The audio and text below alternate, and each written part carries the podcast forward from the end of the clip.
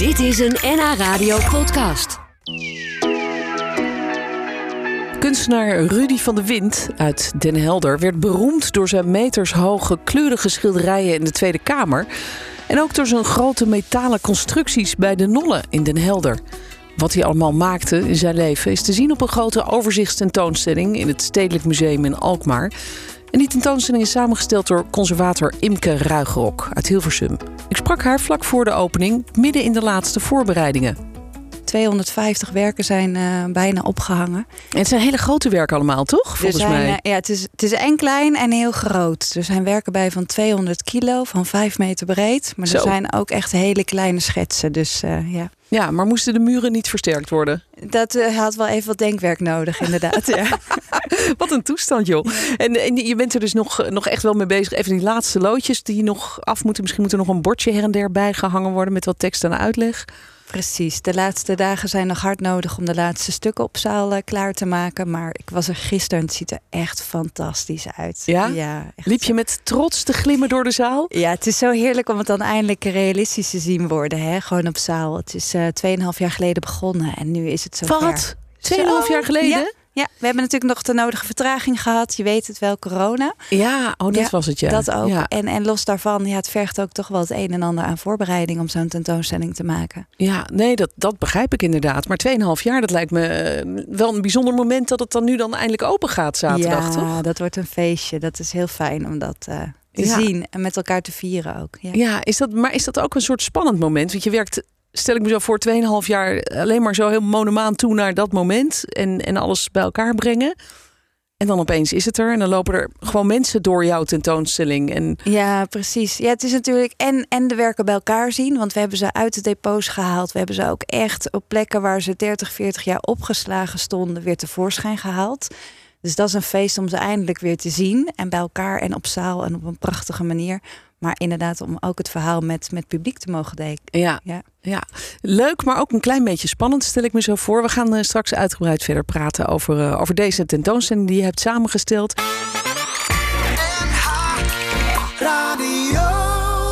Ja, deze man heeft ongelooflijk veel werk door heel Nederland geplaatst. Er staat bijvoorbeeld bij IJsselstein, uh, als je komt binnenrijden, een werk. Er staat op de Knarderk, dat is een hele beroemde, de Tong. Die is de afgelopen jaren veel in de kranten geweest, want die is van naam veranderd. Dat is een mooi werk die veel mensen kennen die richting de eilanden rijden. Uh, hij heeft Paleis Noordeinde, heeft die plafondschildering geschilderd en nog een aantal openbare gebouwen. In Wijk aan Zee staat er ook een, een, ja. een beeld van hem? Ja, Wijk aan Zee zijn meerdere beelden van hem. Ja, dat is inderdaad bij de Hoogovens. Oh ja, ja, precies, daar ja, ja.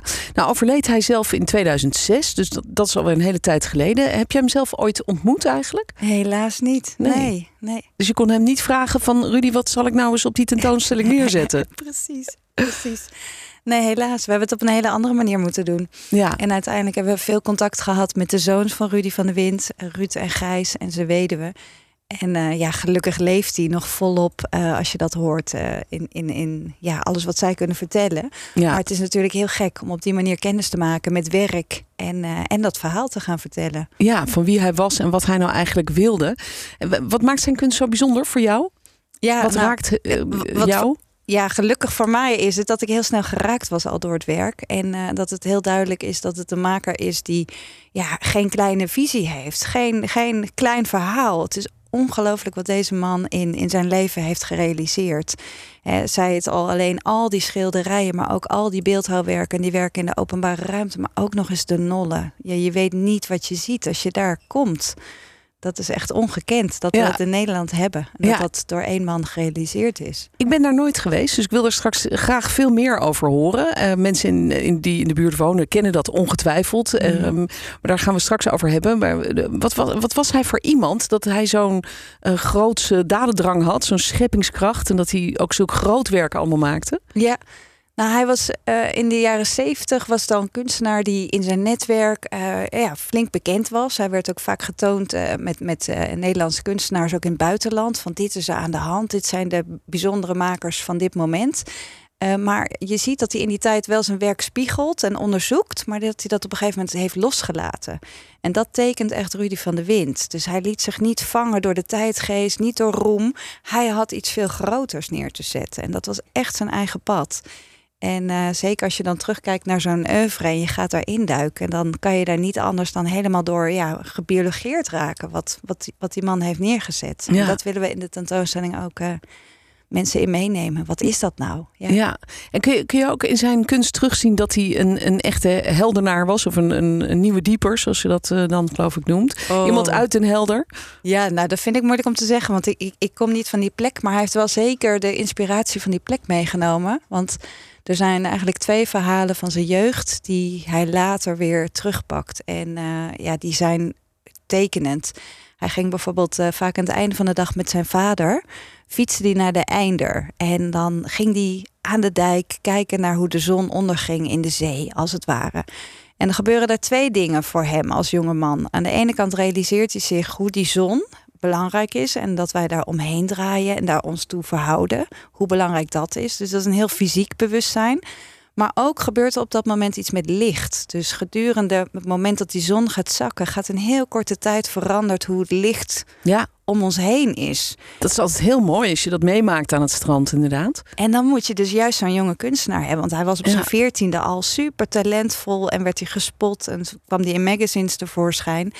Uh, maar hij had het al heel vroeg te vangen. Wat is dat nou eigenlijk licht? Dus dat is niet een kleine vraag. Maar die vraag zie je in zijn hele werk terug. Oké, okay, dat is eigenlijk een soort rode draad eigenlijk. Die zien we neem ik aan ook terug op de tentoonstelling. Ja, hij vangt dat wat is licht in verf. Wat natuurlijk ingewikkeld is, want verf is materie. Hoe vang je licht in verf? Maar hij doet dat ook in zijn bouwwerken op de Nolle bijvoorbeeld. En ook zelfs in zijn beeldhouwwerk. Want als je kijkt naar die gerichtheid naar de zon, dan zit dat eigenlijk ook in zijn beelden, zoals de tong of veel van de organische vormen op de nolle, die zijn omhoog gericht. Die groeien als naar het de ware zon. naar de zon toe. Ah, ja. mooi, mooi. Ik denk dat iedereen hem in Den Helder en bij de omgeving zeker kent. Omdat hij daar dat hele grote kunstproject De Nollen heeft gerealiseerd. Met allemaal beelden daar in de duinen. Um, en die, die tentoonstelling uh, laat dus heel veel van zijn werk zien. Ook andere dingen die hij gemaakt heeft. En die heet Reis naar het oneindige. Imke, toen dacht ik, waarom heet hij nou zo eigenlijk? ja. Hij is natuurlijk wel overleden, maar ja. Waarom heet hij Reis naar het Oneindige? Ja, het is een grote naam. En uh, het verwijst ook naar uh, hoe deze maker uh, dat onmogelijke licht probeerde te vangen. En dat leidt hem uiteindelijk tot stappen en tot werken waarin hij het schilderij en de ruimte altijd tot in het oneindige probeert op te rekken. Een schilderij is natuurlijk eigenlijk begrensd, een ruimte ja. ook. Maar hij probeert eigenlijk dingen invoelbaar te maken en in schilderijen en in beeldhouwwerken en in die architectuur die voorbij die eindigheid zijn. En probeer dat eens uit te leggen als je het hebt over die bekende schilderijen die we altijd zien in de Tweede Kamer. Die, die, Ja. die rood met paars, eh, hele intense kleurenvlakken. Ja, het is mooi om te weten, want we zien die allemaal voor ons. En nu is de Tweede Kamer even in verbouwing, Ja, dus we zien ja. ze even niet meer. Maar die vormen, die zijn afgeleid, zijn een soort cirkels. Het zijn eigenlijk kosmische lichamen, hemellichamen. Het kunnen ja, sterren zijn bijvoorbeeld, of de maan of de zon. En dat is een hele serie die hij heeft gemaakt, die lijkt op de eclipse. Ja, ja. En eh, die vormen die gaan als het ware door van het ene doek in het andere. En die laten eigenlijk onze relatie met het heelal zien, het oneindige ook. En als je dat bedenkt dat dat dus plaatsvindt in de Tweede Kamer, dat is behoorlijk bizar. Waar Ja. het alledaagse nieuws plaatsvindt. en dan de ja. relatie van dat schouwtoneel van het heelal, dat, wat daar aanwezig is. ja. Wat we ook niet weten, omdat wij daar niet vaak lopen, is dat er eigenlijk een soort van coulissen zijn. Het is een soort van theater. Dus je loopt tussen die schilderijen zijn gangen. Oh. Ja, dus er zit een hele ruimtelijke werking in die schilderijen. Oh, ja, dat zie je niet op tv inderdaad. En dan zie je alleen maar gewoon het platte vlak. Oké, goed. Nou, dat, dat, daar zie je meer over op die tentoonstelling. Maar ik wilde het inderdaad toch ook nog even hebben over die Nolle in Den Helder. Een, eh, een, een landschapskunstwerk heeft hij daar gecreëerd, als je het zo mag noemen. Eh, voor wie daar nog nooit geweest is, zoals ik bijvoorbeeld. Ik heb wel zitten googelen, maar ik ben er nooit geweest. Wat is dat voor een, voor een gebied en, en wat zie je daar? Ja. Nou, het is een duinlandschap wat al van zichzelf hè, eh, eh, ja, organisch is. Het heeft eh, lagere inbeddingen, vennetjes ertussen, dat wuivende gras en daartussendoor af en toe bunkers. Hij En daar- mogen we daar gewoon inlopen Ja, eigenlijk? Het is ja. gewoon openbaar? Ja, maar wel op een bepaalde manier. Want het is echt het hele landschap. De Nolle heeft hij als een soort van beeldhouwer toegeëigend. Samen met de natuur. En daartussen zijn bunkers en nieuwe bouwsels gemaakt en nieuwe beeldhouwwerken. Dus de manier waarop je daar doorheen gaat is zorgvuldig. Het is vaak met een rondleiding. En je moet je voorstellen, je hebt je eigenlijk een ervaring vergelijkend met de piramides. Het zijn uh, gebouwen ook waar je ingaat, die ook weer passen bij wat hij vroeger als kind heeft meegemaakt. Ging je met zijn broer in Den Helder, in die bunkers, naar beneden, ja, ja. in een donkere ruimte. En dan opeens is daar een grote ruimte. Dus die spanning van eerst donker en beperkt en dan opeens een opening. Dat ervaar je daar heel erg. Oké. En hij heeft dus dat gebied, heeft hij dat dan gehuurd of gekocht? Of, of is hij daar gewoon lekker aan de slag gegaan? Want het was, begreep ik, een beetje een soort vervallen zooitje, toch? Een soort vuilstort. Een, een, militair terrein. Er was ook veel uh, ja, van alles opgeslagen. En hij is dat gaan pachten uiteindelijk van de provincie. En uh, ja, hij heeft dat totaal, totaal naar zijn hand gezet. Dus het is ongekend wat daar gerealiseerd is. En dan moet je voorstellen, bij de Tweede Kamer werkte die al aan schilderijen die groot waren en die bijna eigenlijk een enorme stempel drukken op die architectuur. En dat was zijn wens ook, om het schilderij eigenlijk in de ruimte te zetten. Dat is hem gelukt op de Nolle. Dus er zijn een aantal gebouwen waarin je in een schilderij staat. Bijzonder. Nou, ik ga er zeker een keer kijken. Dat lijkt me heel leuk. En, en als we er meer van willen weten, dan kunnen we natuurlijk ook terecht in het museum in Alkmaar. Dank dat je hier was vandaag om, uh, om ons daarover te vertellen. Imke Ruigrok hoorde je.